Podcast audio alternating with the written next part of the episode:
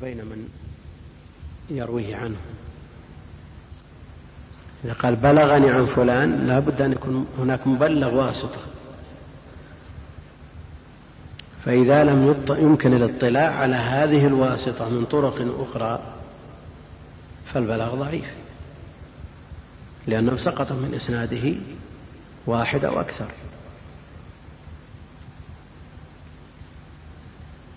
يقول هل تعتبر معلقات الإمام البخاري في الصحيح؟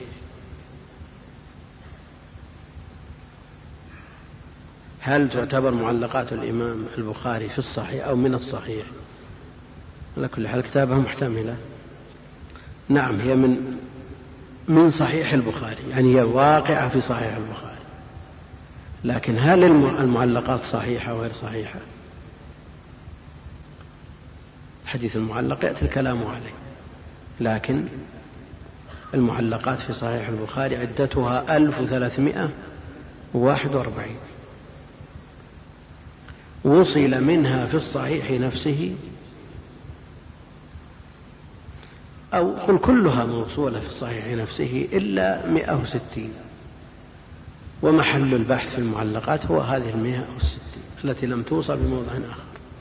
منها ما وصل في مسلم منها ما وصل في أبي داود منها ما وصل في الكتب الأخرى.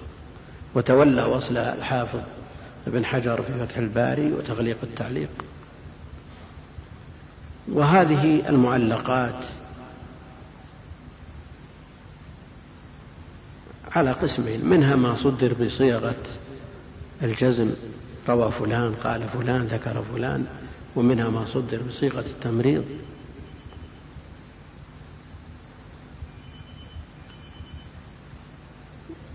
فما صدر بصيغة الجزم صحيح مجزوم به إلى من علق عنه ويبقى النظر والبحث في من حذف. وأما ما صدر بصيغة التمريض فلا يجزم بضعفه. والغالب أنه إذا صدر الخبر بصيغة التمريض أن في متنه أو في إسناده إما في إسناده انقطاع يسير أو في متنه مخالفة يسيرة من راويه أو أن الإمام البخاري رحمه الله تصرف في متنه.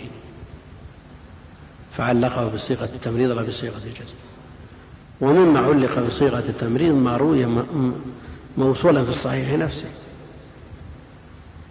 وليس في صحيح البخاري. حتى المعلقات بصيغة التمريض شيء شديد ضعفه.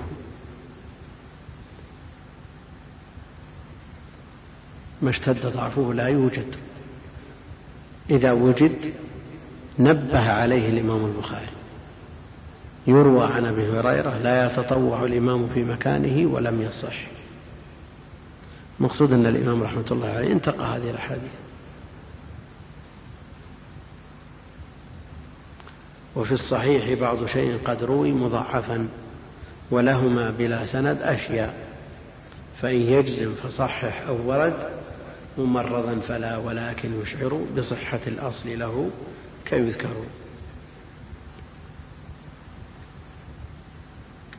يقول هل يكفي حفظ اللؤلؤ والمرجان ثم يتم حفظ من فرد به البخاري ثم مسلم؟ نعم.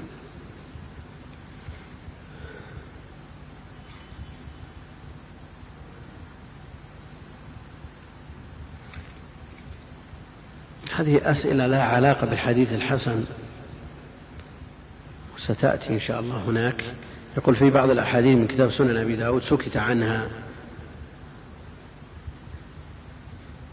سكت عنها فما حكمها؟ هذا مؤدى السؤال.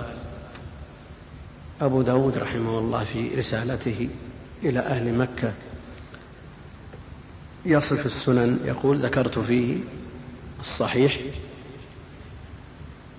وما يشبهه ويقاربه وما فيه وهن شديد بينته فالضعف الشديد يبينه ثم قال وما سكت عنه فهو صالح ومعلوم أن الصلاحية أعم من أن تكون للاحتجاج وأن تكون للاستشهاد فيدخل فيما سكت عنه الضعيف الذي ضعفه شديد الضعيف الذي ضعفه ليس بشديد لأنه يصلح للاعتبار. هل العلماء يعتمدون على تصحيح الترمذي للأحاديث؟ الترمذي نص الذهبي وغيره على أنه رحمة الله عليه متساهل وقد صحح أحاديث فيها انقطاع حسن أحاديث كثيرة في أسانيدها بعض من ضعف وعلى كل حال هو إمام من أئمة المسلمين. فإذا صحح حديثا فلما يشهد له من أحاديث أخرى. ولذا يردف الحديث بقوله وفي الباب عن فلان وفلان وفلان وفلان من الشواهد. لا يعني أنه إذا قال هذا الحديث حسن صحيح أنه يعني يعني الحديث بمفرده. لا يلزم ذلك.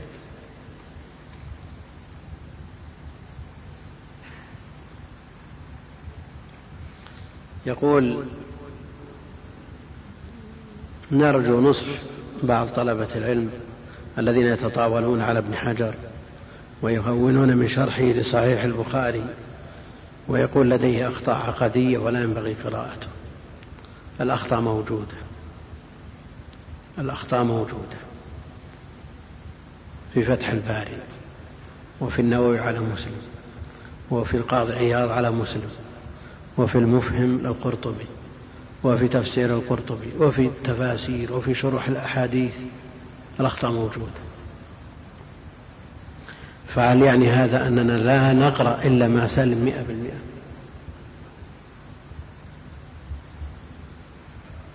إلا ما سلم مئة بالمئة. إذا نقتصر على القطعة التي شرحها الحافظ بن رجب رحمه الله من البخاري وشرح أيضا للأربعين وكلام ابن القيم على سنن أبي داود لأن الخطابي عنده مخالفات عقدية ابن حجر عنده العيني عنده القسطلاني عنده الكرماني عنده كل الشراح عنده. يعني نقتصر على ما سلم مئة بالمئة لا يمكن أن يسلم كتاب مخلوق من كل وجه. لا يمكن.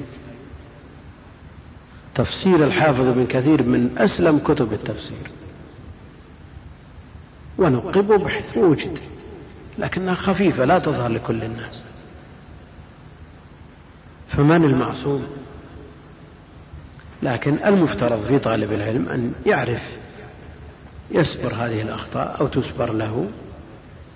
والحمد لله الآن طلع طبعات بين فيها بعض الأخطاء وإن لم تكن يعني مستوعبة لكن وجد وأحسن من لا شيء.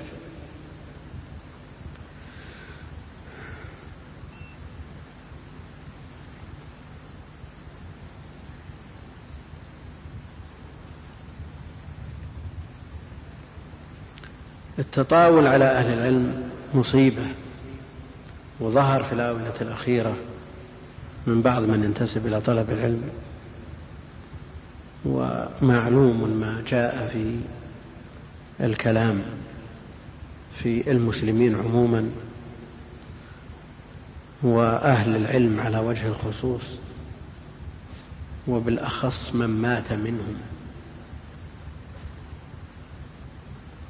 فمن مات تذكر محاسنه. فالتطاول على أهل العلم تطاول على العلم. وإفقاد الناس الثقة من أهل العلم يجعل الناس يعيشون بدون مرجع. وهل كل الناس يستطيع أن يستفيد من النصوص دون واسطة أهل العلم؟ لا يمكن. فإذا هونا من شأن العالم الفلاني والثاني والثالث والرابع ماذا يبقى لنا؟ وتبقى أنها وجهات نظر. يعني إذا هون جمع من الناس فلان. وقلنا خلاص انتهى هذا احترق. وجمع آخرون هونوا من شأن فلان وكذا وهكذا. من الذي يصفو؟ ومن الذي يسلم من الأخطاء والأوهام؟ إذا لا يسلم لنا أحد. ولا يعني هذا أن هؤلاء العلماء سواء كانوا من المتقدمين أو من المتأخرين أنهم معصومون لا. يخطئون من خطأ يبين خطأه بالطريقة المناسبة التي تؤدي الغرض ولا يترتب عليها مفسدة. لكن إذا كان تبيين الخطأ يترتب عليه مفسدة. مؤلف كتاب في أخطاء فلان. كثير من الناس ما يستحضر إلا هذه الأخطاء.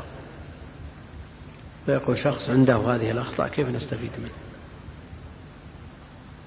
لكن إذا مرت هذه الأخطاء وجاء لها مناسبة مناسبة في أثناء شرح أو في أثناء درس وقد زل فيها بعض أهل العلم يقال من غير تعيين للشخص إلا إذا ترتب على تعيينه مصلحة فالمسألة مسألة مصالح ومفاسد. وإذا أردنا أن نحذر من كل كتاب يشتمل على خطأ.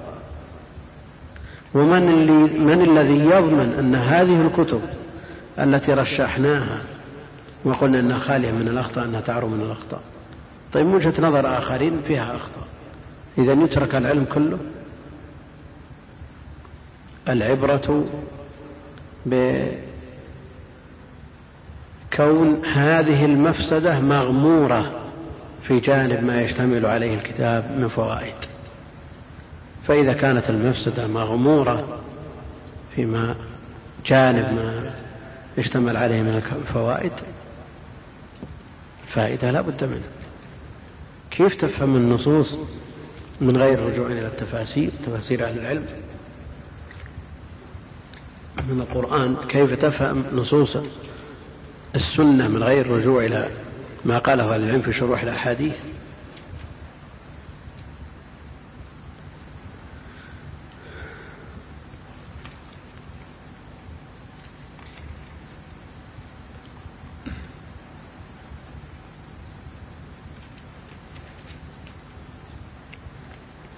يقول ظهرت في المكتبات كتب السنة طبعت على مجلد واحد لكل كتاب فما رأيكم بهذا؟ وهل تغني عن الطبعات المعروفة وما رأيكم بمختصر مسلم القرطبي. هذه الطبعات التي ظهرت كل كتاب في مجلد. هي خفيفة الحمل لكن الطبعات القديمة تولى تصحيح علماء. والواقع يشهد بأن هذه الطبعات فيها أخطاء. بغض النظر عن إصدار فلان أو فلان أو فلان هي طبعت أكثر من مرة. فهذه الطبعات تشتمل على أخطاء والطبعات القديمة تولى تصحيحها علماء فالذي أنصح به طالب العلم أن يقتني الطبعات القديمة إلا إذا كان من الجديد ما يحققه من شهد له بالخبرة والدقة والضبط والإتقان وبين أنه وقف على نسخ اكتشفها بنفسه لم يطلع عليها من طبع الكتاب غيره. فلا بأس.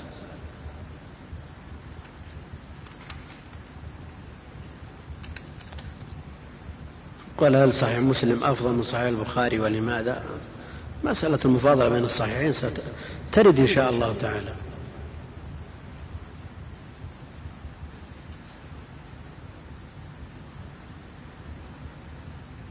هذا في أسئلة كثيرة. هل ينصح بحفظ اللؤلؤ المكنون وهل يستغنى به عن ألفية العراقي ما الفرق بين منهج المتقدمين والمتأخرين؟ المقصود ما المراد بالمتقدمين؟ ما أحسن نسخ بلوغ المرام؟ إذا حصل الكلام فيها مناسبات كثيرة وفي طلب من أمس. لكنه لا يمكن تحقيقه. هذا يطلب الواصل في الشرح شرح الكتاب الأسبوع القادم حتى تتم الفائدة. المواصلة لا غير ممكنة لأن في كتاب بديل عن هذا في الأسبوع القادم. في كتاب بديل في الأسبوع القادم. وعلى كل حال المسألة مترددة بين أن يجعل يترك المتبقي من الكتاب إلى دورة لاحقة أو أن نواصل في شرحه مع بداية الدراسة كما صنعنا في الورقات وأتممنا شرحه بدأنا شرحه في دورة ثم أتممناها وسجلت وموجودة. أو نشرح ما نستطيع ونحيل الباقي على الشرح الموجود الآن. لا سيما وأن آخر المصطلح ما فيه إشكالات. أمر سهل.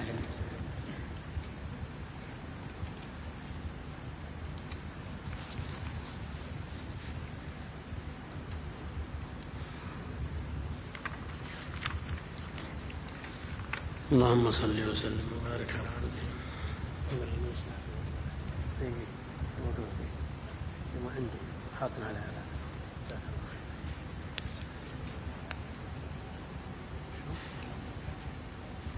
ما فيه إلا هذه حفظ الآن منهج المتقدمين والمتاخرين نسخ بلوغ المرام. هذا لا يحتاج.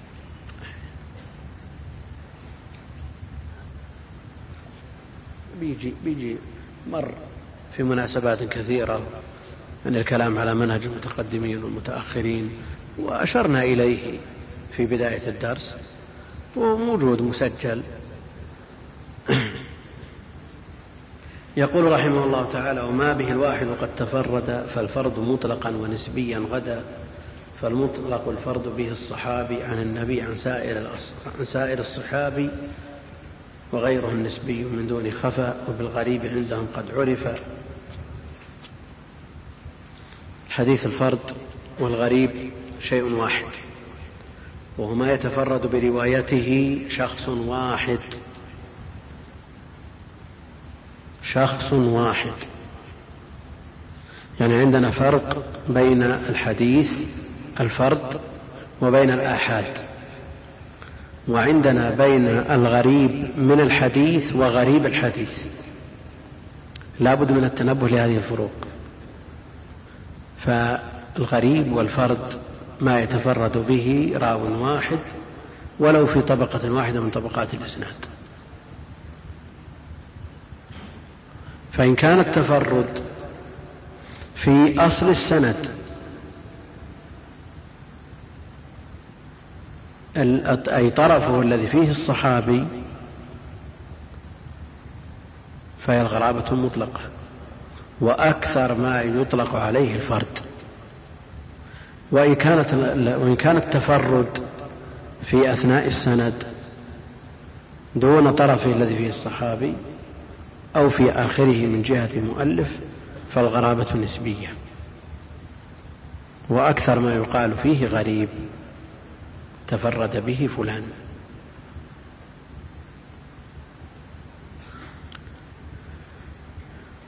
عندنا من أوضح ما يمثل به للفرد المطلق أو الغريب غرابة مطلقة حديث إنما الأعمال بالنيات.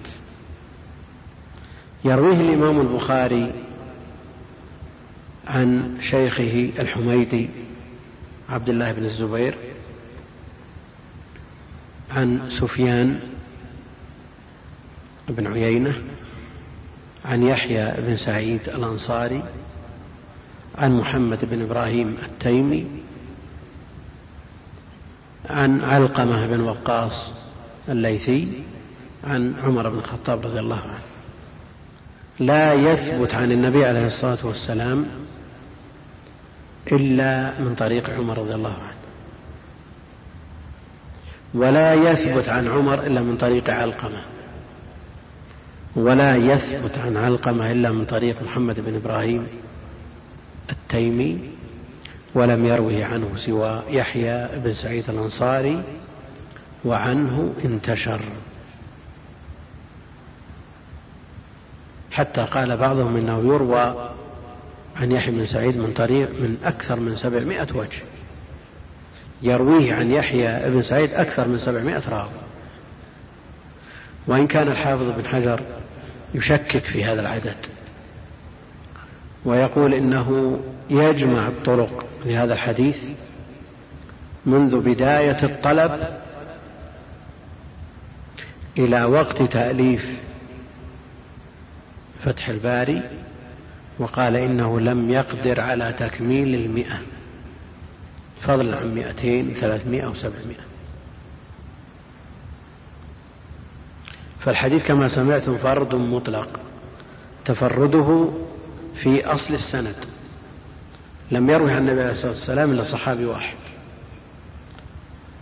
ولم يروي عن هذا الصحابي إلا تابعي واحد. وهكذا في أربع طبقات.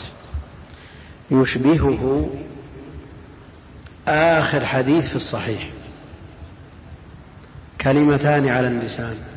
كلمتان خفيفتان على اللسان. ثقيلتان في الميزان حبيبتان إلى الرحمن. سبحان الله وبحمده سبحان الله العظيم. هذا الحديث يرويه أبو هريرة لا يشركه في روايته أحد. ويرويه عنه أبو زرعة بن عمرو بن جرير البجلي. ويرويه عنه عمارة بن القعقاع. لا يرويه غيره.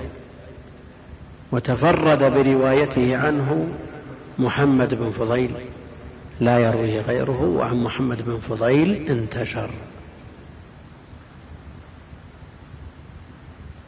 هذان حديثان من الأفراد من أفراد البخاري وإن شئت فقل من غرائب الصحيح. التفرد في أصل السند. أصل السند طرفه الذي فيه الصحابة. ويحتمل أن يكون المراد بذلك الصحابي نفسه أو من يرويه عن الصحابة وجاء عند ابن حجر رحمه الله تعالى تنزيل الفرد المطلق على تفرد الصحابي. وجاء أيضا في تعريف الفرد المطلق أن يتفرد بروايته عن الصحابي. شخص واحد. وكأنه في هذا الموضع رأى أن تفرد الصحابي لا يضر لأن الواحد من الصحابة يعدل أمة على كل حال هذا هو الفرد في اصطلاحهم وهذا هو الغريب. يقول ابن حجر أن الفرد والغريب مترادفان لغة واصطلاحا مترادفان لغة واصطلاحا لكن إذا بحثنا في معنى الفرد في اللغة ومعنى الغريب في اللغة وجدنا الفرق. فلا ترادف. اغترب بعد عن وطنه. فهو غريب. اغترب فهو غريب. وتفرد إذا استقل عن غيره. فلم يشاركه أحد. فهما من حيث اللغة ليس من مترادفين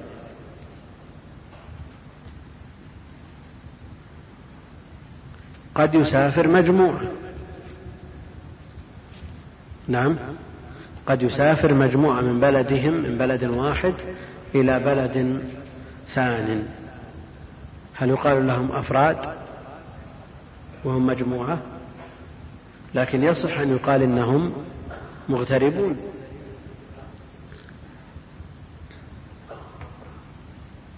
وقد يكون الواحد المتصف بصفة لا يشاركه فيها أحد فرد وإن لم يكن مغتربا بعيدا عن وطنه. والغربة والاغتراب معروفة المعنى والتوحد والتفرد معروف المعنى. هذا من حيث اللغة. الذي ذكر الحافظ أنهما مترادفان في اللغة. أما من حيث الترادف الاصطلاحي الذي أشار إليه ابن حجر. ففي كلامه ما يدل على خلافه. في كلامه ما يدل على اختلافه. وأنهم غايروا يعني أهل الحديث غايروا بينهما في الاصطلاح. غايروا بينهما في الاصطلاح فأكثر ما يطلق الفرد على كذا وأطلق وأكثر ما يطلق الغريب على كذا. ومعلوم أن هذا من حيث إطلاق الاسمية الفرد والغريب. أما من حيث إطلاق الفعل فلا فرق بينهما. تفرد به فلان وأغرب به فلان. لا فرق حينئذ. فكلام الحافظ يلاحظ عليه مثل هذا رحمه الله.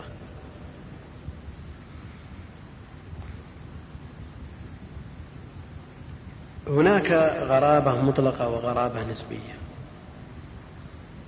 فالفرد مطلقا ونسبيا قتل. إذا تفرد راو من بين جميع الرواة برواية هذا الخبر بحيث لا يشركه في رواية أحد فهو قرابته مطلقة. وهو إن كانت الغرابة في أصل سنده فرد مطلق. وإن تفرد به شخص تفرد بروايته عن راو وإن رواه آخرون عن راو آخر فغرابته نسبية. يعني تفرد برواية هذا الحديث بالنسبة لهذا الشيخ. وإن روي عن غير هذا الشيخ من طرق. هذه غرابة نسبية. إذا تفرد أهل بلد برواية حديث مثل ما يقال هذه سنة غريبة تفرد بها أهل مصر أو تفرد بها أهل العراق أو تفرد بها أهل الحجاز. هذه غرابة نسبية ليست حقيقية لأنه قد يكون هذا الخبر يرويه جمع من أهل هذه البلاد. فليست الغرابة حقيقية بل نسبية.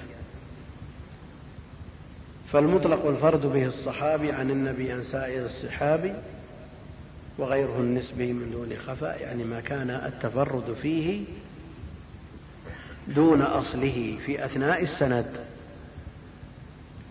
وبالغريب عندهم قد عرف يعني إذا كانت الغرابة في هذا السند يقال له الغريب. إذا كانت الغرابة في أصل السند وهو مخرج الخبر يكون أكثر ما يطلق عليه الفرد. وباعتبار موضع التفرد أربعة أنواع أربعة أنواع فرد فاعددي يعني يقسم إلى أربعة أنواع. فمنهم فرد متنه والسند يكون تكون الغرابة في المتن والسند. التفرد في المتن والسند. بمعنى أنه لا يوجد هذا الحديث بهذا اللفظ إلا عن هذا الراوي. ومنه ما في السند التفرد. التفرد هذا الحديث لا يرويه إلا فلان. لكنه لكن متنه معروف برواية آخرين. وفرد بعض المتن أو بعض السند. فرض بعض المتن بأن يكون هناك كلمة يتفرد بها راوي من الرواة أو جملة في الخبر يتفرد بها راوي من الرواة. هذا التفرد فيه في بعض المتن وقد يكون التفرد فيه في بعض السند كما إذا تفرد هذا الراوي بروايته عن هذا الراوي كما قلنا في النسبي ولم نجد غريب متن لا سند. يوجد غرابة في المتن يوجد غرابة في المتن مع السند. يوجد غرابة في بعض المتن. يوجد غرابة في السند والمتن. يوجد غرابة في السند فقط. لكن غرابة في المتن فقط. لا يمكن أن توجد. لماذا؟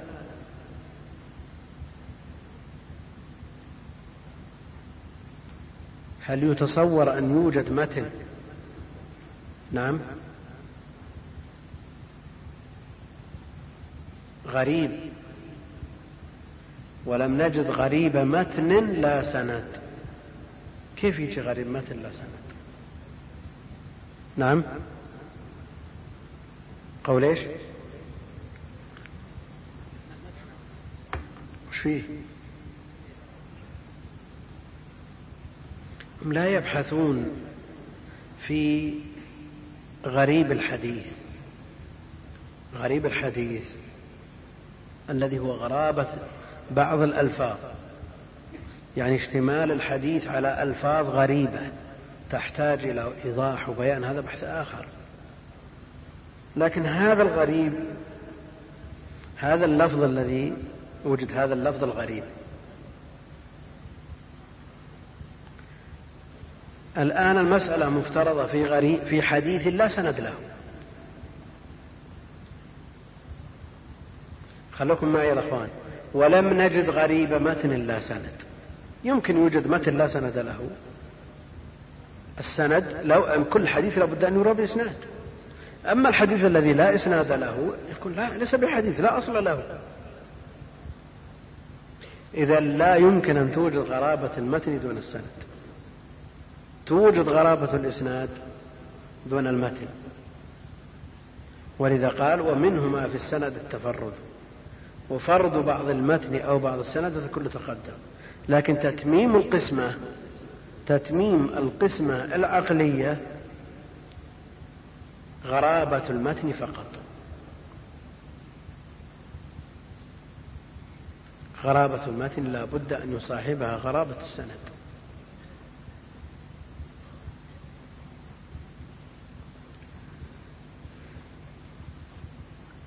وقيد النسبي أيضا بثقة أو بثقة. وقيد النسبي أيضا بثقة كذا براو أو بمصر حققه. يعني لا يروي هذا الحديث من الثقات إلا فلان. لا يروي هذا الحديث من الثقات إلا فلان. وإن شاركه في الرواية أناس لكنهم ضعفاء. فتفرد هذا الثقة لا شك أنه تفرد نسبي معناه أنه يوجد من يروي الحديث غيره. يوجد غير هذا الراوي يروي الحديث لكن بهذا الوصف هو فرد. فهو فرد نسبي غريب غرابة نسبية. فإذا تفرد برواية الخبر ثقة.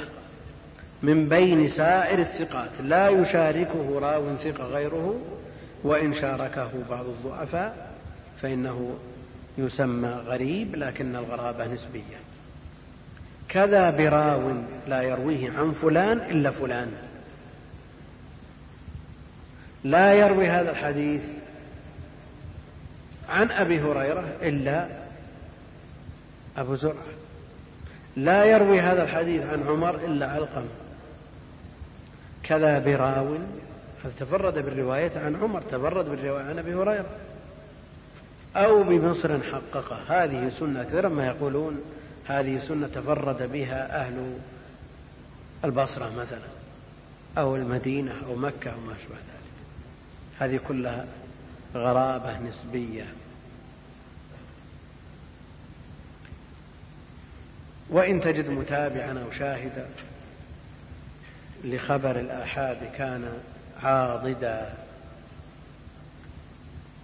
وإن تجد متابعا أو شاهدا لخبر الآحاد كان عاضدا زال بها تفرد عن فرد واشتهر العزيز دون رد وازداد شهرة بها الذي اشتهر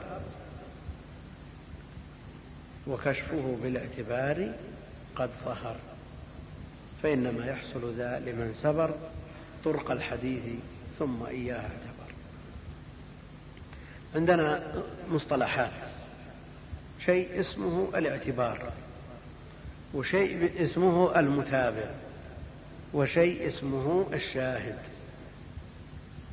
عنون عنون لهذه المصطلحات الثلاثة في ابن الصلاح وغيره الاعتبار والمتابعات والشواهد.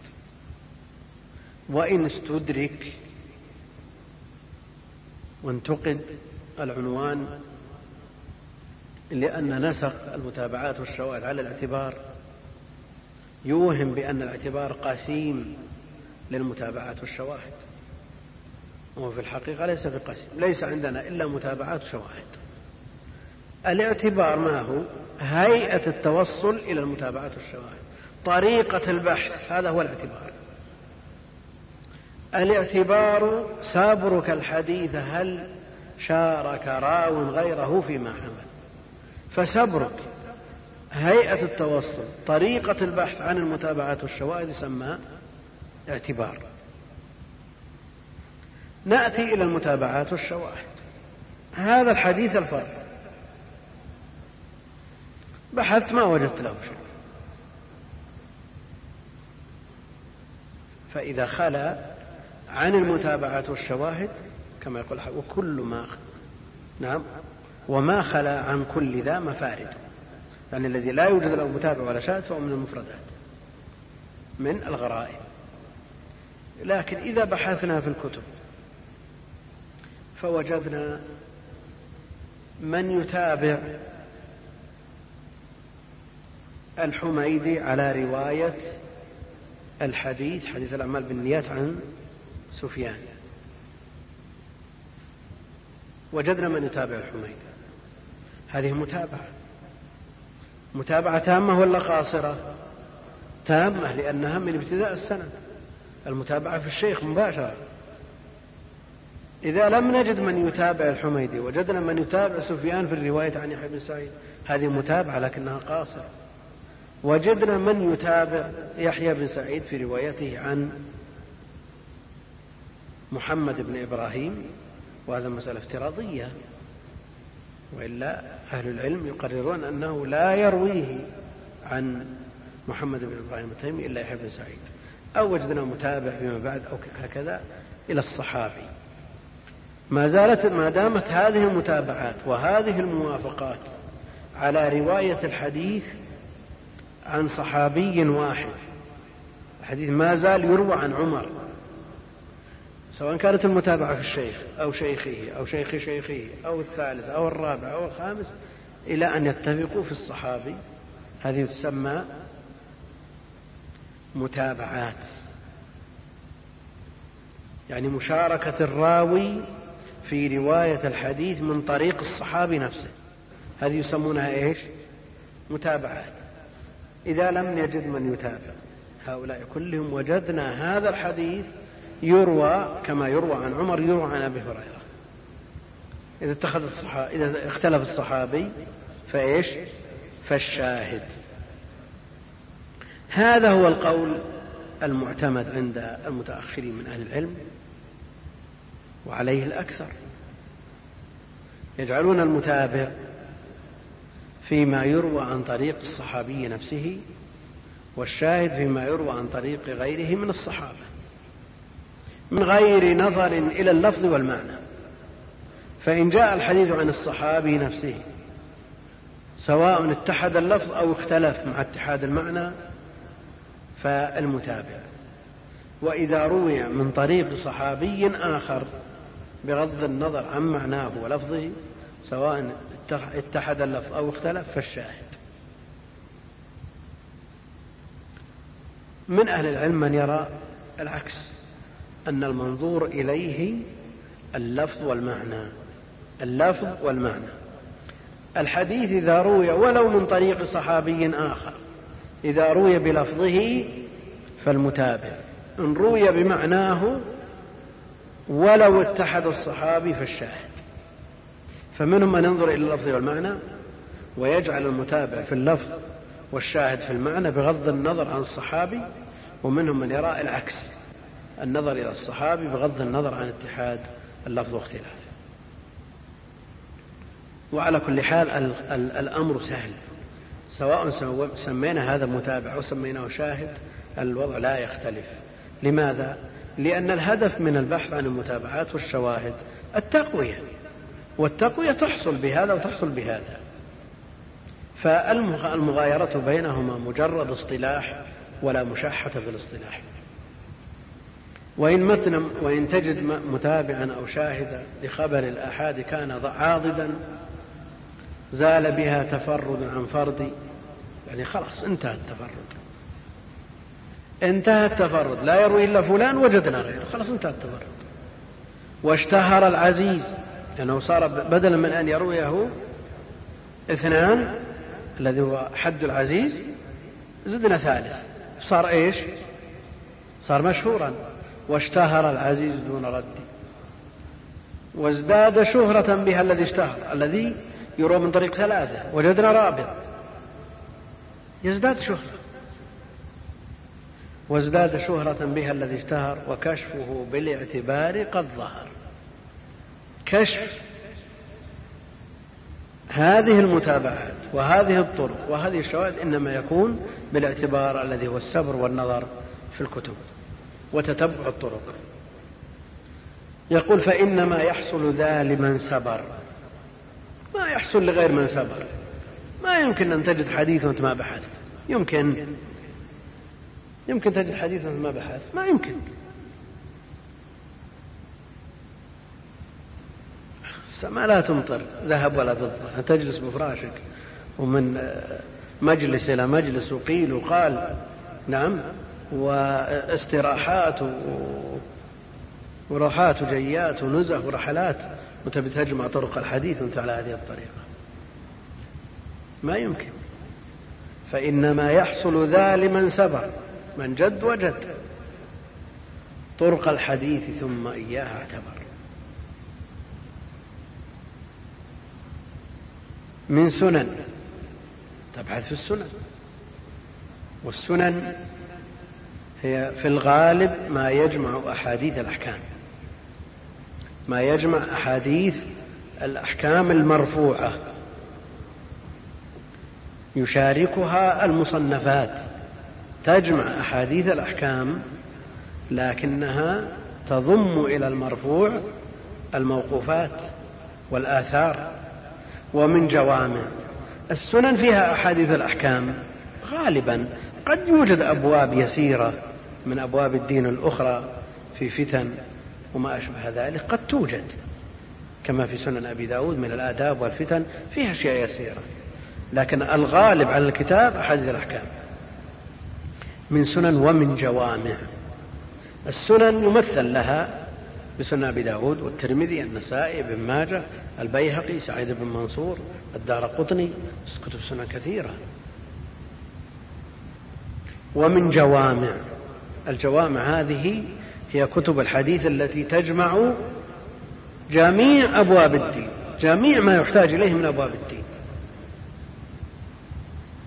ففيها العقائد فيها الإيمان فيها العلم فيها العبادات فيها المعاملات فيها الأنكحة والأقضية والجنايات فيها السير والمغازي والشمائل والمناقب.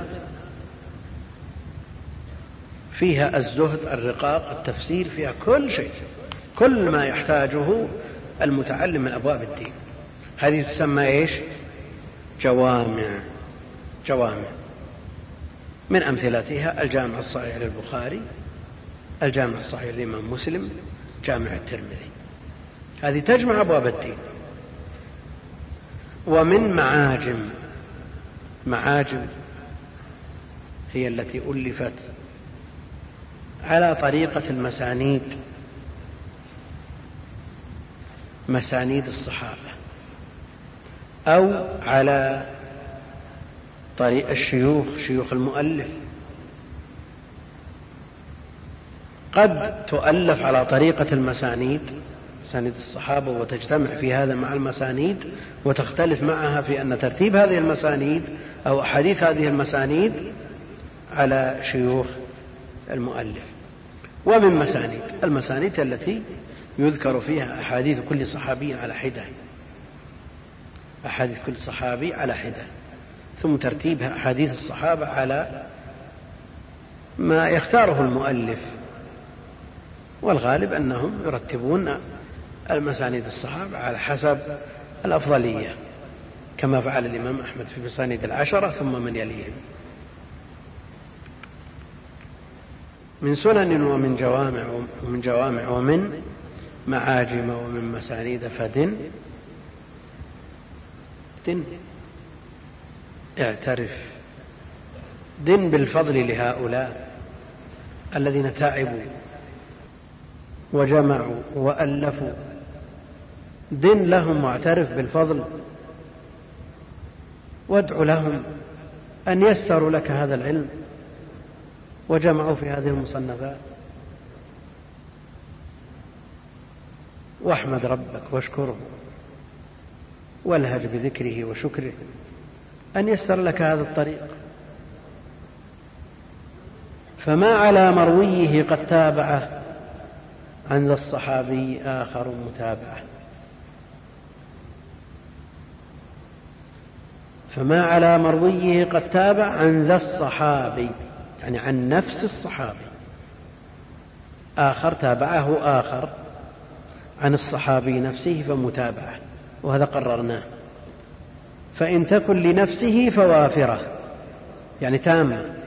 إذا كانت المتابعة للشخص نفسه الراوي يعني آخر السند بمعنى أن المتابعة حصلت في جميع السند في شيخ نفس الراوي فالمتابعة وافرة يعني تامة. أو شيخه فصاعدا فقاصرة ومثلنا أن الحميدي توبع. في رواية حديث الأعمال بالنيات هذه متابعة تامة. وهذا التمام والقصور نسبي. هذا المتابعة الوصف بالتمام والقصور نسبي. إذا توبع البخاري على رواية الحديث عن عن الحميدي متابعة تامة. لكن بالنسبة لمن دون البخاري. إذا توبع شيخ البخاري الحميدي بالنسبة للبخاري تامة لو خرج الحديث الحميدي في مسنده وتوبع سفيان على روايته صارت تامة بالنسبة للحميدي. فهذه الأمور نسبية. هذه الأمور نسبية. فإن تكن لنفسه فوافرة أو شيخه فصاعدا فقاصرة. وتقرب من التمام كلما قربت إلى نهاية الإسناد وتقرب من القصور كلما قربت إلى نهاية الإسناد من أعلى. وما له يشهد متن عن سوى ذاك الصحابي. فشاهد سواء في اللفظ والمعنى أو المعنى فقط لكنما مرتبة الثاني أحق المؤلف رحمه الله تعالى جرى على التفريق بين المتابع والشاهد بأي شيء؟ بالصحابي. بالصحابي بغض النظر عن اللفظ والمعنى. ولذا قال وما له يشهد متن عن سوى ذاك الصحابي فشاهد سواء في اللفظ والمعنى يعني سواء كان المتا... الشهادة من ذلك الصحابي الآخر وافقت وطابقت في اللفظ أو في المعنى فقط. أو المعنى فقط لكنما مر... لكنما مرتبة الثاني أحط مرتبة الثانية هذه هو إيش؟ الشاهد أو الموافقة في المعنى فقط. الاحتمالات ثلاثة. لكنما مرتبة الثاني الموافق في المعنى فقط. أو الثاني الذي هو الشاهد والموافق في الاختلاف في الصحابي أو الثاني الذي هو الآحاد قسيم المتواتر. هذه احتمالات. وعوده إلى الأقرب أقرب. لا شك أن الموافقة في اللفظ والمعنى أتم وأقوى من الموافقة في المعنى فقط. نعم. يعني كون الحديث مضبوط متقن من جهات من طرق بلفظه أليس أقوى من أن يوجد فيه اختلاف من بعض رواته في بعض الألفاظ. ولذا قال لكنما مرتبة الثاني أحق. جاءت المسألة التي هي من أهم ما يبحث في هذا الفن. وهو يفيد العلم عن النظر. عند ثبوته فبعد النظر. ثلاثة أحكام.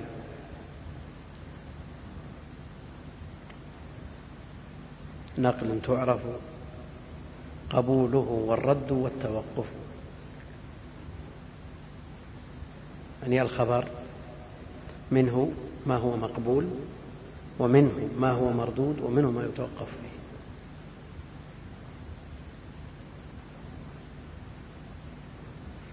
نأتي إلى ما يفيده خبر واحد.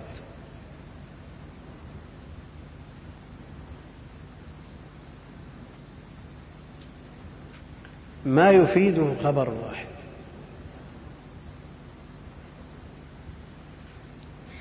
انتبهوا يا الأخوان يقول وهو يفيد العلم عن النظر عند ثبوته فبعد النظر. تقدم في المتواتر أنه يفيد العلم الإيش؟ الضروري. الذي لا يحتاج إلى نظر ولا استدلال ولا مقدمات. وإن خالف في ذلك طائفة فقالوا إنه يفيد العلم النظري. إذا سمعت الخبر المتواتر وجدت نفسك مضطرة إلى تصديقه دون مقدمات. ولذا يحصل العلم به لمن ليس من أهل النظر. يحصل العلم به لمن ليس من أهل النظر. لو تسأل أجهل شخص من المسلمين فتقول له هل يجوز الكذب على النبي عليه الصلاة والسلام؟ قال لا يجوز. فمجرد ما يسمع هذا الخبر يؤمن به ويتلقنه لأنه متواتر. هنا وهو يعني ما مضى الحديث عنه وهو الآحاد لأنه انتهى الكلام بالمتواتر معه. يفيد العلم عن النظر عند ثبوته فبعد النظر. يعني خبر واحد إذا صح أو غلب على الظن ثبوته في مسألة الحسن يفيد العلم النظري. ذكرنا سابقا المراد بالعلم والظن والشك والوهم.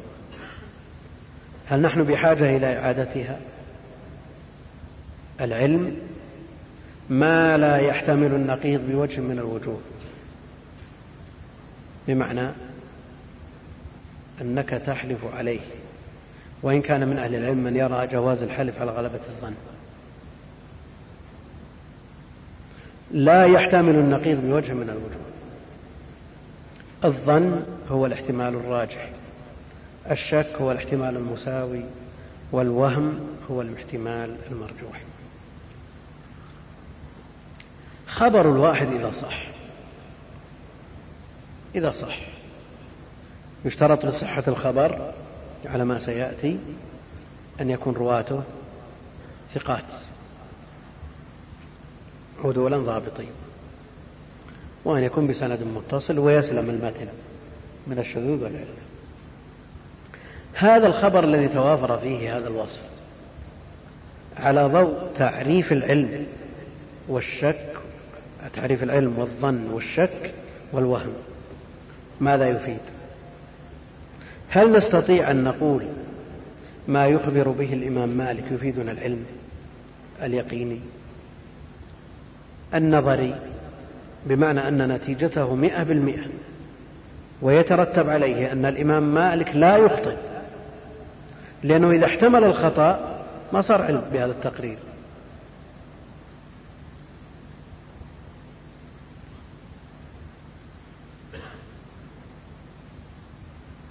واضح ولا مو واضح؟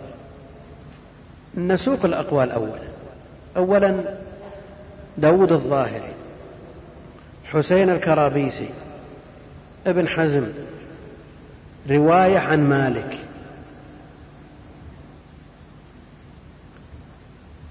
وابن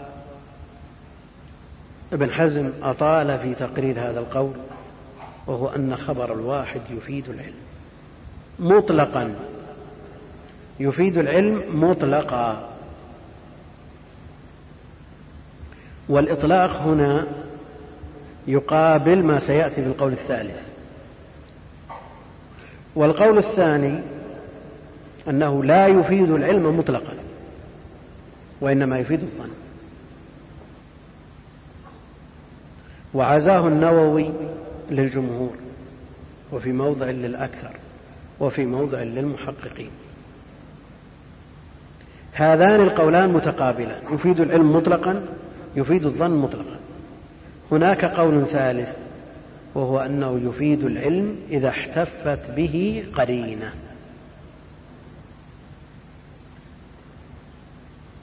الآن البحث مع من يوافق على هذا التقسيم وعلى هذه التعريفات التي ذكرنا في تعريف العلم والظن.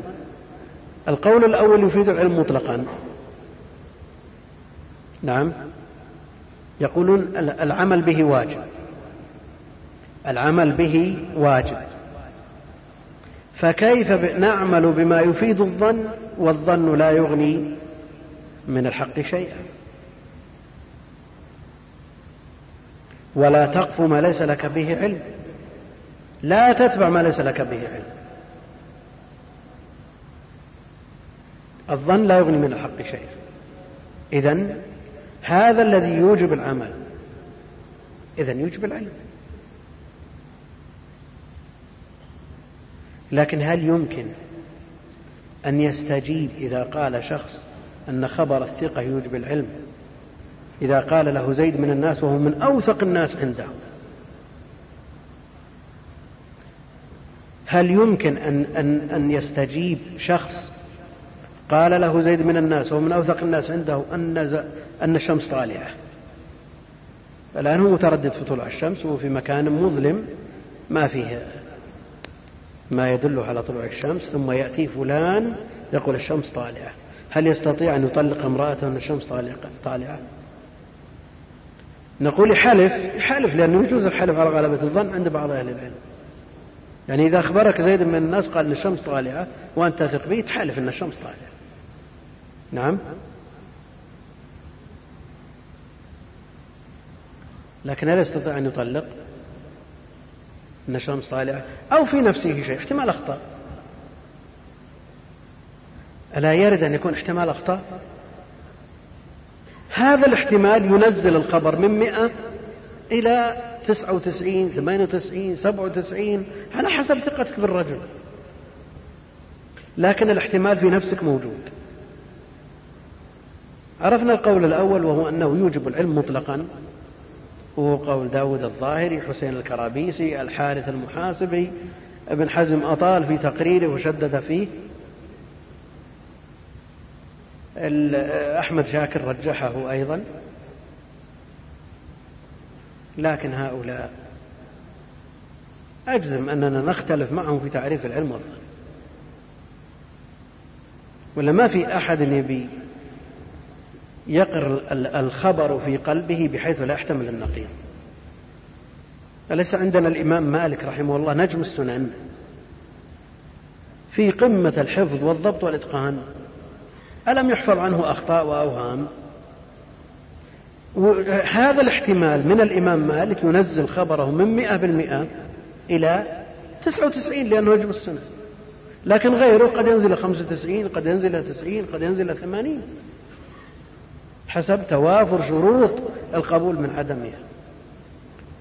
القول الثاني لا يفيد العلم مطلقا يفيد الظن. لوجود هذا الاحتمال. لوجود هذا الاحتمال. ما في شخص معصوم ما يخطئ فما دام هذا الاحتمال احتمال النقيض موجود إذا كيف نجزم بأنه مئة بالمئة؟ والإحتمال موجود.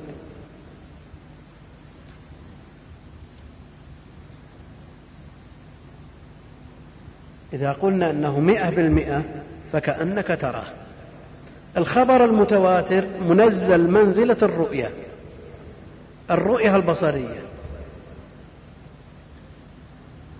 يعني لو طلق شخص امرأته أن واقعة الفيل حاصلة تطلق امرأته ولا ما تطلق؟ تطلق ولا ما تطلق؟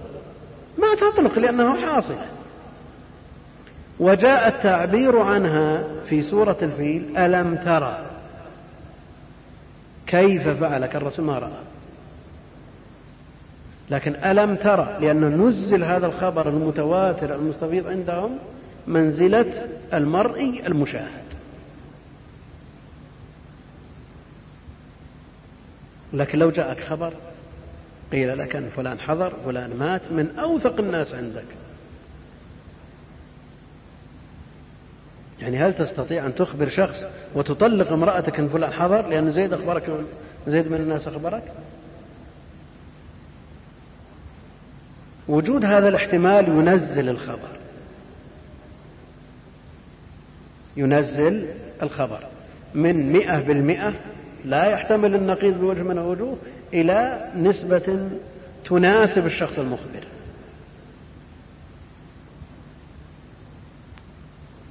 وعرفنا حجة هؤلاء. الاحتمال قائم. القول الثالث أنه يفيد الخبر خبر الواحد يفيد العلم إذا احتفت به قرينة. إذا احتفت به قرينة. لماذا؟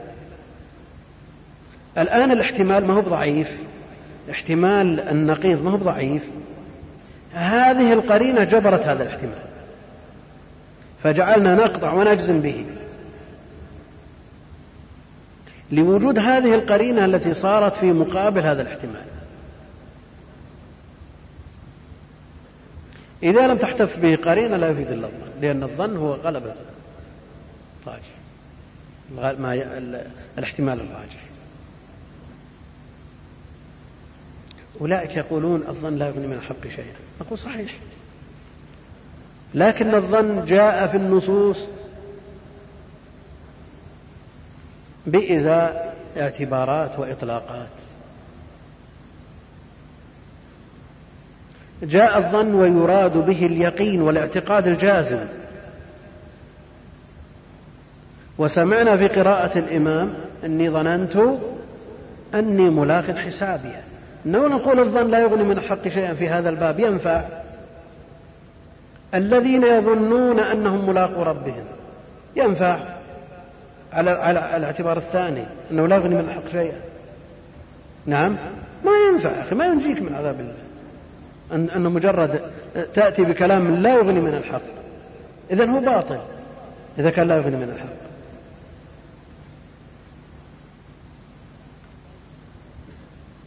الظن جاء في النصوص ويراد به اليقين. ويراد به ما يغلب على الظن. ويراد به الوهم. وهو الذي لا يغني من الحق شيئا. طيب هم يقولون ولا تقف ما ليس لك به علم إذا أنت عملت بما لا يوجب العلم أنت قفوت ما ليس لك به علم نقول العلم إنما يضاده الجهل. ما ليس ما ليس لك به علم الذي تجهل فيه. الذي تجهل هذا الذي ليس لك به علم. وحمل بعضهم هذه الآية على مسائل الاعتقاد. والذي يرجحه شيخ الإسلام ويقرره أنه لا فرق بين مسائل الاعتقاد ومسائل الأحكام.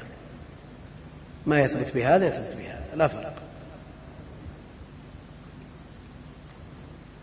نسمع كلام شيخ الإسلام فيما يفيده خبر الواحد. شيخ الإسلام رحمه الله تعالى في مواضع كثيرة من كتبه يقول منهاج السنة في الجزء الثامن صفحة ثلاثمائة. القرآن لا يثبت بخبر الآحاد بل لا بد أن يكون منقولا بالتواتر. هذا نقل. في الجزء السابع صفحة خمسمائة وخمسة عشر وستة عشر اتفق المسلمون على أنه لا يجوز أن يكون المبلغ عن العلم واحدا بل يجب أن يكون المبلغون أهل التواتر الذين يحصل العلم بخبرهم للغائب. وخبر الواحد لا يفيد العلم إلا بقرائن. هذا كلام من؟ الإمام القدوة شيخ الإسلام. وخبر الواحد لا يفيد العلم إلا بقرائن وتلك قد تكون منتفية أو خفية عن أكثر الناس. ابن رجب في شرح البخاري في شرح حديث تحويل القبلة في الجزء الأول صفحة 189 وما يقال من أن هذا يلزم منه نسخ المتواتر وهو الصلاة إلى بيت المقدس بخبر الواحد فالتحقيق في جوابه أن خبر الواحد يفيد العلم إذا احتفت به القرائن. فنداء الصحابي شوف القرينة الآن التي احتفت بخبر الصحابي فنداء الصحابي في الطرق والأسواق بحيث يسمعه المسلمون كلهم بالمدينة ورسول الله صلى الله عليه وسلم.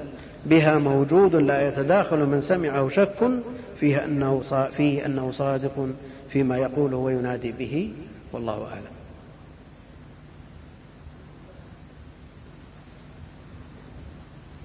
وقال في الجزء التاسع صفحة 438 وقول اثنين فصاعدا من المأمومين. إذا نبه الإمام اثنين يجب أن يرجع. حجة شرعية. يقول وقول اثنين فصاعدا من المأمومين حجة شرعية. فيجب العمل بها وإن لم يوجب العلم. لماذا؟ لأنه ما زال خبر واحد. آحاد. كسائر الحجج الشرعية التي يجب العمل بها من البينات وغيرها.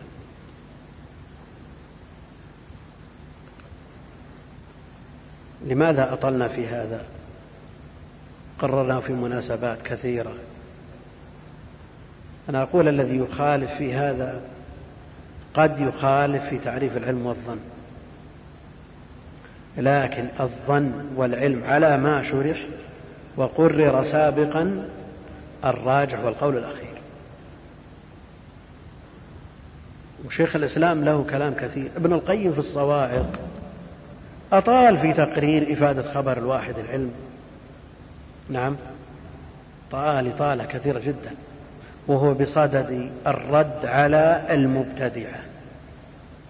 الذين يردون خبر الواحد. الذين يردون خبر الواحد. وصرح في مواضع أنه إذا احتفت به قرينة بدلا وكلام شيخ الإسلام هنا. وخبر الواحد لا يفيد العلم إلا بقرائن. كلام صريح ولا محتمل؟ يا اخوان إحنا نأكد على هذه المسألة لأنه يوجد من يخالف ويبعث الرأي الثاني أن العلم أن الظن أن خبر الواحد إذا صح يفيد العلم.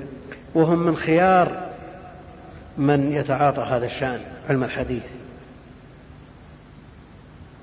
وتقرير هذه المسألة مسألة يعني إذا تقررت لدينا لا لا نشك في أنهم يذهبون إلى أن الظن غير ما نذهب إليه.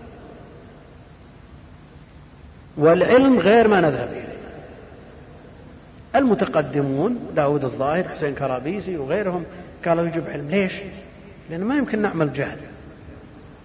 ما نعلم الجهل. الأحكام مبنية على إيش؟ على غلبة ظن. على غلبة ظن. الآن لو لو استفتيت مثلا شخص نعم. ذهبت لأعلم من في البلد وأفتاك بفتوى. أفتاك بقول. قال هذا حرام. ثم ذهبت إلى آخر أقل منه منزلة فأفتاك بكلام آخر. غير هذه الفتوى. الآن تستطيع أن تحلف أن الموافق لما عند الله عز وجل العلم اليقيني الذي لا يحتمل النقيض. النقيض هو ما قاله الأول. لا يحتمل أن يكون المصيب هو الثاني وإن كان أقل منزلة. فهذا هو الاحتمال الموجود عندنا في خبر الواحد. نظير سواء بسواء ونسمع من يشنع على ابن حجر أن خبر الواحد لا يفيد العلم إلا إذا احتفت به قرائن إذا شنعنا على ابن حجر وفيه شوب بدعة كيف يشنع بشيخ الإسلام؟ أشد الناس على المبتدعة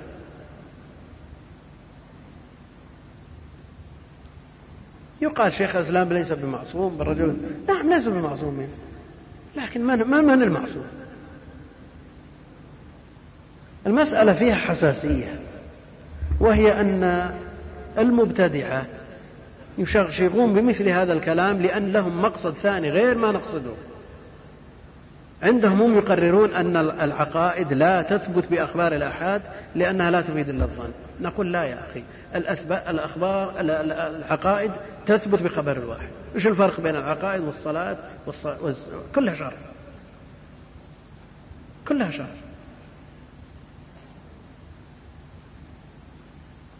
إذا القرائن. ذكروا بعض القرائن. مثل ما ذكر ابن رجب الآن. قرينة قبول خبر واحد. جاءهم يقول أن القبلة قد حولت وهم على قبلة قطعية. كيف تحولوا من قطعة من قبلة قطعية إلى قبلة مظنونة بخبر هذا الواحد؟ ألا يحتمل أن يكون أخطأ ألا يحتمل أن يكون وهم؟ قرائن.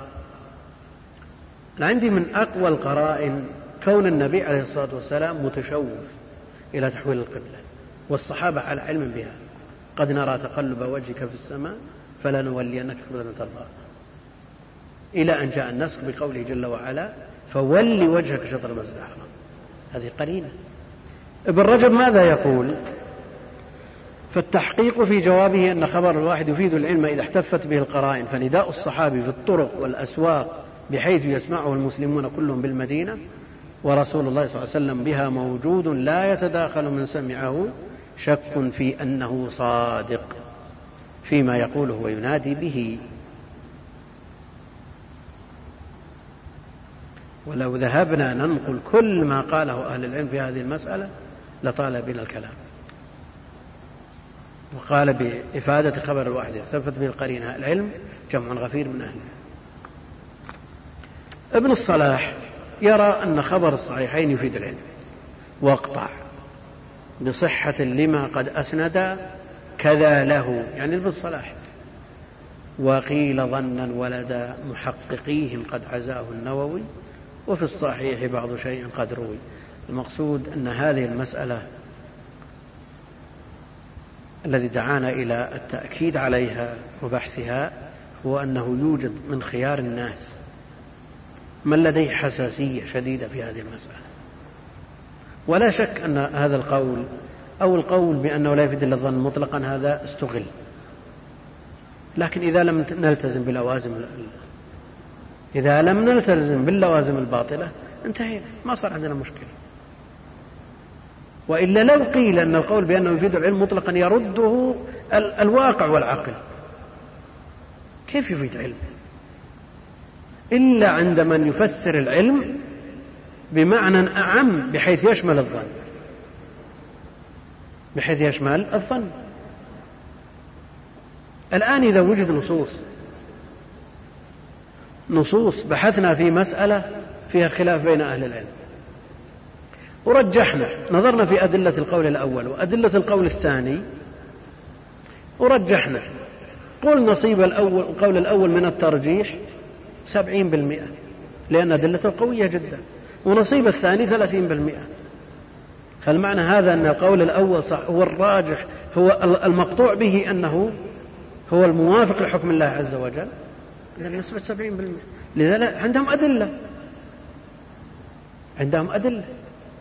والأدلة التي تنتابها وجهات النظر سواء كان ذلك في ثبوتها أو في دلالتها. كيف تفيد علم؟ دعونا من العلم بمعنى الأعم. لا يأتينا واحد يقول هذا حديث أن معلومة بالنيات ليس لا يفيد علم. إذا يفيد جهل ما هو صحيح يا الأخوان إن فسرنا العلم بما هو أعم من العلم المقطوع به والعلم غلبة الظن والأحكام مبنية على غلبة الظن نعم فممكن يمشي القول الأول. ولذا نتوسع في تعريف العلم. أما تعريف العلم الذي لا بأنه لا يحتمل النقيض كما هو مقرر عند العلم لا يحتمل هذا الكلام. من القرائن أن يكون الحديث مرويا في الصحيحين أو في أحدهما مما لم ينتقد.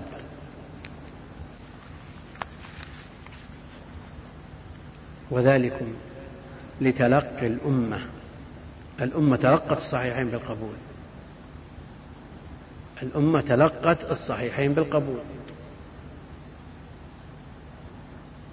من ذلك أن يكون الحديث مشهور.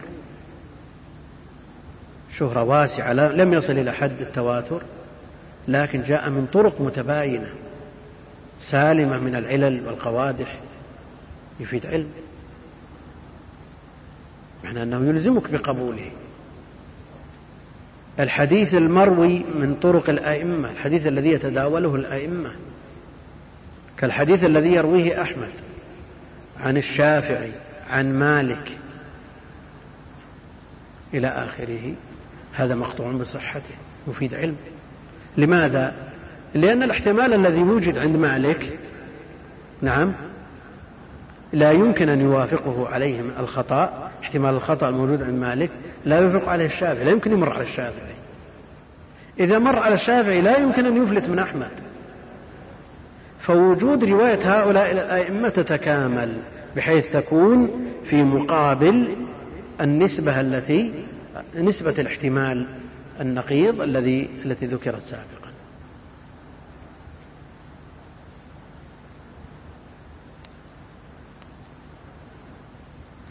ثلاثة أحكام نقل تعرف قبوله والرد والتوقف. فالخبر منه ما هو المقبول ومنه ما هو المردود ومنه ما يتوقف فالمقبول الصحيح بقسميه والحسن بنوعيه على خلاف في الحسن سيأتي.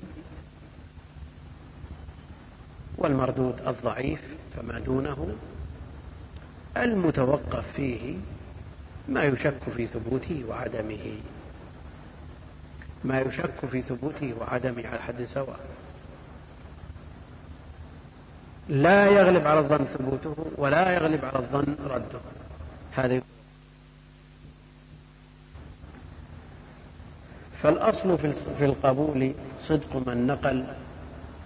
الأصل في القبول صدق من نقل. يعني مدار الرواية على الصدق على صدق اللهجة. لأن المسألة نقل كلام. فمن صدق في كلامه قبل قوله. فالأصل في القبول صدق من نقل. والكذب أصل الرد يا من قد عقل. إذا كان مدار القبول على الثبوت وعدمه فالصدق مدار القبول والكذب مدار الرد. يا من قد والانتباس الحال قف. ثم قال قبوله والرد والتوقف ثم جاء الأصل في القبول والأصل في الرد ثم جاء إلى التوقف والالتباس الحال قف. بحثت حديث وعجزت أن تصل إلى نتيجته. الحكم فيه محير. هناك قرائن تدل على ثبوته وقرائن تدل على عدم ثبوته. فيه راو من رواته عجزت أن ترجح بين أقوال أهل العلم فيه جرحا وتعديلا. تتوقف في الراوي ثم تتوقف في المروي. والالتباس الحال قف فيه إلى بيانه إن بالقرائن جلى وأنت تتمرن في تخريج الأحاديث. لا شك أن هذه الأقسام الثلاثة بتواجهك. سوف تواجهك هذه الأقسام الثلاثة. حديث لا إشكال فيه في تصحيحه. سنده واضح متنه ظاهر ما في مخالفات. ثم طابقت حكمك عليه على حكم أهل العلم مثل هذا لا تتردد في تصحيحه. وآخر العكس الحكم عليه بالضعف والرد ظاهر. الثالث هذا الذي عجزت أن تحكم عليه. الكفة متساوية مثل هذا تؤجله. تؤجله. تؤجل الحكم عليه. تتوقف في الحكم عليه حتى ترجح القرائن إن كنت من أهل القرائن. إن كان لديك أهلية النظر في الحديث من خلال القرائن. حتى تتوافر عندك القرائن المرجحة للقبول أو للرد. والالتباس الحال قف فيه إلى بيانه إن بالقرائن جلا. وهذه طريقة أهل العلم الراسخين. ويبقى أن دور الطالب المتعلم الذي لم يتأهل يخرج لنفسه للتمرين. ويكثر من التخريج ودراسة الأسانيد ويعرض ويعرض عمله على أهل الخبرة والمعرفة. فإذا تأهل فيما بعد حصلت لديه الأهلية. صار من أهل هذا الشأن. وأربع مراتب المقبول أربع مراتب المقبول. الصحيح لذاته الصحيح لغيره الحسن لذاته الحسن لغيره. وأربع مراتب المقبول بينها أئمة النقول بينها أهل العلم في كتبهم. ثم بعد ذلك يتكلم المؤلف رحمة الله عليه على هذه الأقسام الأربعة.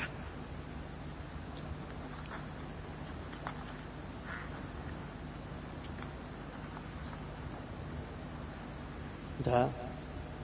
خميس في درس. خميس في درس. عشان نقسم الباقي على الله أعلم وصلى الله وسلم وبارك على عبده ورسوله نبينا محمد وعلى آله وصحبه أجمعين.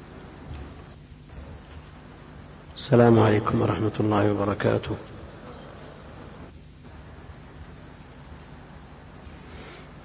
هذا يسأل عن القواعد التي وضعها المعلمي في مقدمة التنكيل المعلمي من أهل هذا الشأن من أهل الحديث ومن أهل الاستقراء والتتبع. قواعده مفيدة يستفيد منها طالب العلم.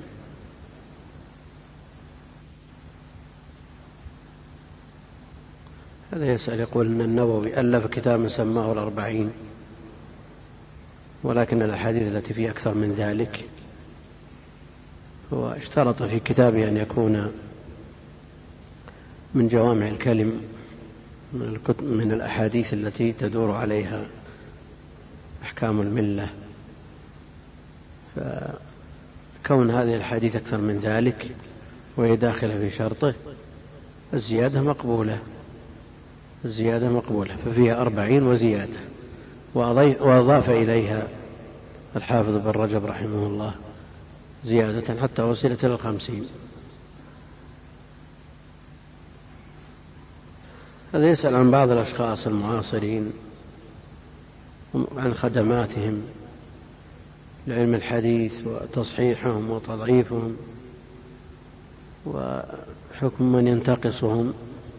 على كل حال من ذكر في السؤال كلهم فيما نحسب والله حسب الجميع حسب الجميع. من أهل الخير والفضل والمنتقص لا يضر إلا نفسه لا يضر إلا نفسه.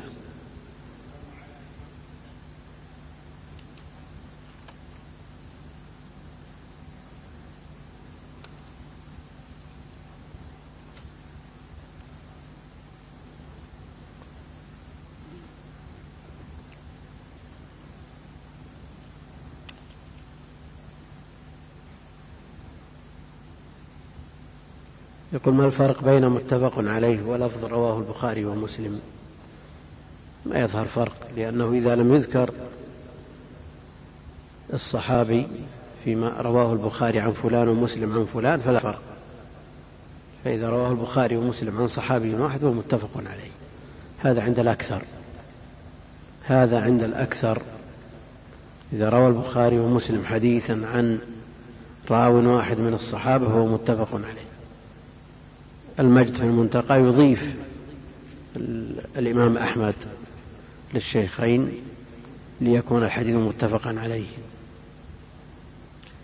والذي يظهر من صنيع البغوي في شرح السنة أنه لا يشترط اتحاد الصحابي يقول هذا حديث متفق عليه. أخرجه محمد من حديث أبي هريرة ومسلم من حديث ابن عمر.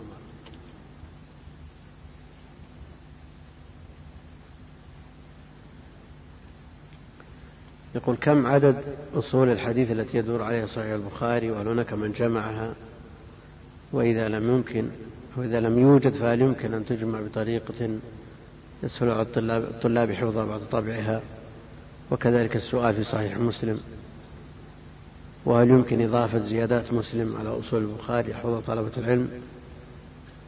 أنا نصيحتي لكل طالب علم أن يتولى هذا بنفسه ولا يعتمد على اختصار غيره لأنه يستفيد من اختصاره هو الاطلاع على كتاب الأصل ويكون على علم مما ذكر وعلى علم مما حذف. والأصول التي في صحيح مسلم من غير تكرار كما هو معروف عدتها ألفان وخمسمائة وحديثان. هذه الأحاديث من غير تكرار. لكن على طالب العلم أن يستخرجها بنفسه ويطلع على المكرر وينظر ما فيه من زوائد في ألفاظ المتون واختلاف في صيغ الأداء. كل هذا مفيد لطالب العلم. فإذا قام بالاختصار بنفسه استفاد فوائد عظيمة. ثم يأتي بعد ذلك إلى مسلم ويأخذ زوائده على البخاري.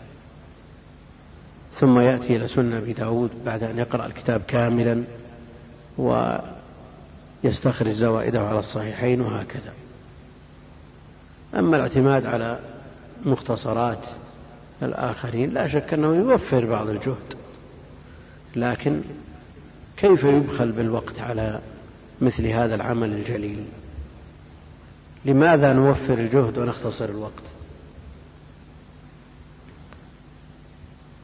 هذه وسيلة يعني الاطلاع على الكتب الأصلية. كم فيه من فائدة حرم منها من يعنى بالمختصرات؟ والذي يختصر بنفسه يطلع على هذه الفوائد وينظر. نعم هناك مهم وهناك أهم. يعني طالب العلم إذا اطلع على صحيح البخاري ورأى أن التكرار أقل في الأهمية من معاناة ما لا تكرار فيه من عناء من معاناة غير المكرر. وإذا رأى أن العناية بالمتون أهم من العناية بالأسانيد نقول له ذلك. لكن متى؟ إذا تولى ذلك بنفسه واطلع على المفضول الذي من وجهة نظره وإن كان فاضلا عند قوم آخرين إذا اطلع على هذا ورسخ في ذهنه واقتصر وردد وكرر ما اختصره استفاد. ولذا يوصي بعضهم هذا شيء مجرب. عند القراءة عند قراءة الكتب ومسحها الكتب المطولة من التفاسير وشروح الأحاديث وغيرها في الفنون أن يصحب الطالب الذي يريد أن يقرأ هذا الكتاب الكبير أقلام ملونة فيها الأسود والأحمر والأزرق والأخضر ويضع اصطلاح في طرة الكتاب يقول الأحمر لما يراد حفظه مثلا. الأسود لما يطلب تكراره الأخضر لما يراد فهمه الأزرق لما يراد نقله وهكذا. ثم بعد ذلك وهو يقرأ. هذه فائدة مهمة جدا يضع عليها أحمر من أجل أن يرجع إليها فيحفظها كلام أقل في الأهمية لكنه بحاجة إلى تكرار. يضع عليه اللون المناسب. كلام يمكن أن يفيد منه وينفع به الآخرين ويلقيه في مجالس الناس وفي محافلهم ليستفيدوا منه فينقله إلى مذكراته فيضع عليه لونا مميزا. هذه طريقة نافعة مجربة. لأن الإنسان بصدد الفراغ من هذا الكتاب الكبير قد لا يتسنى لو قد يمل ويترك. لو انتهى من هذه الأمور في أيها الأحبة في الله ما تبقى من مادة هذا الشريط تتابعونها في الشريط التالي. مع تحيات إخوانكم في تسجيلات الراية الإسلامية بالرياض والسلام عليكم ورحمة الله وبركاته.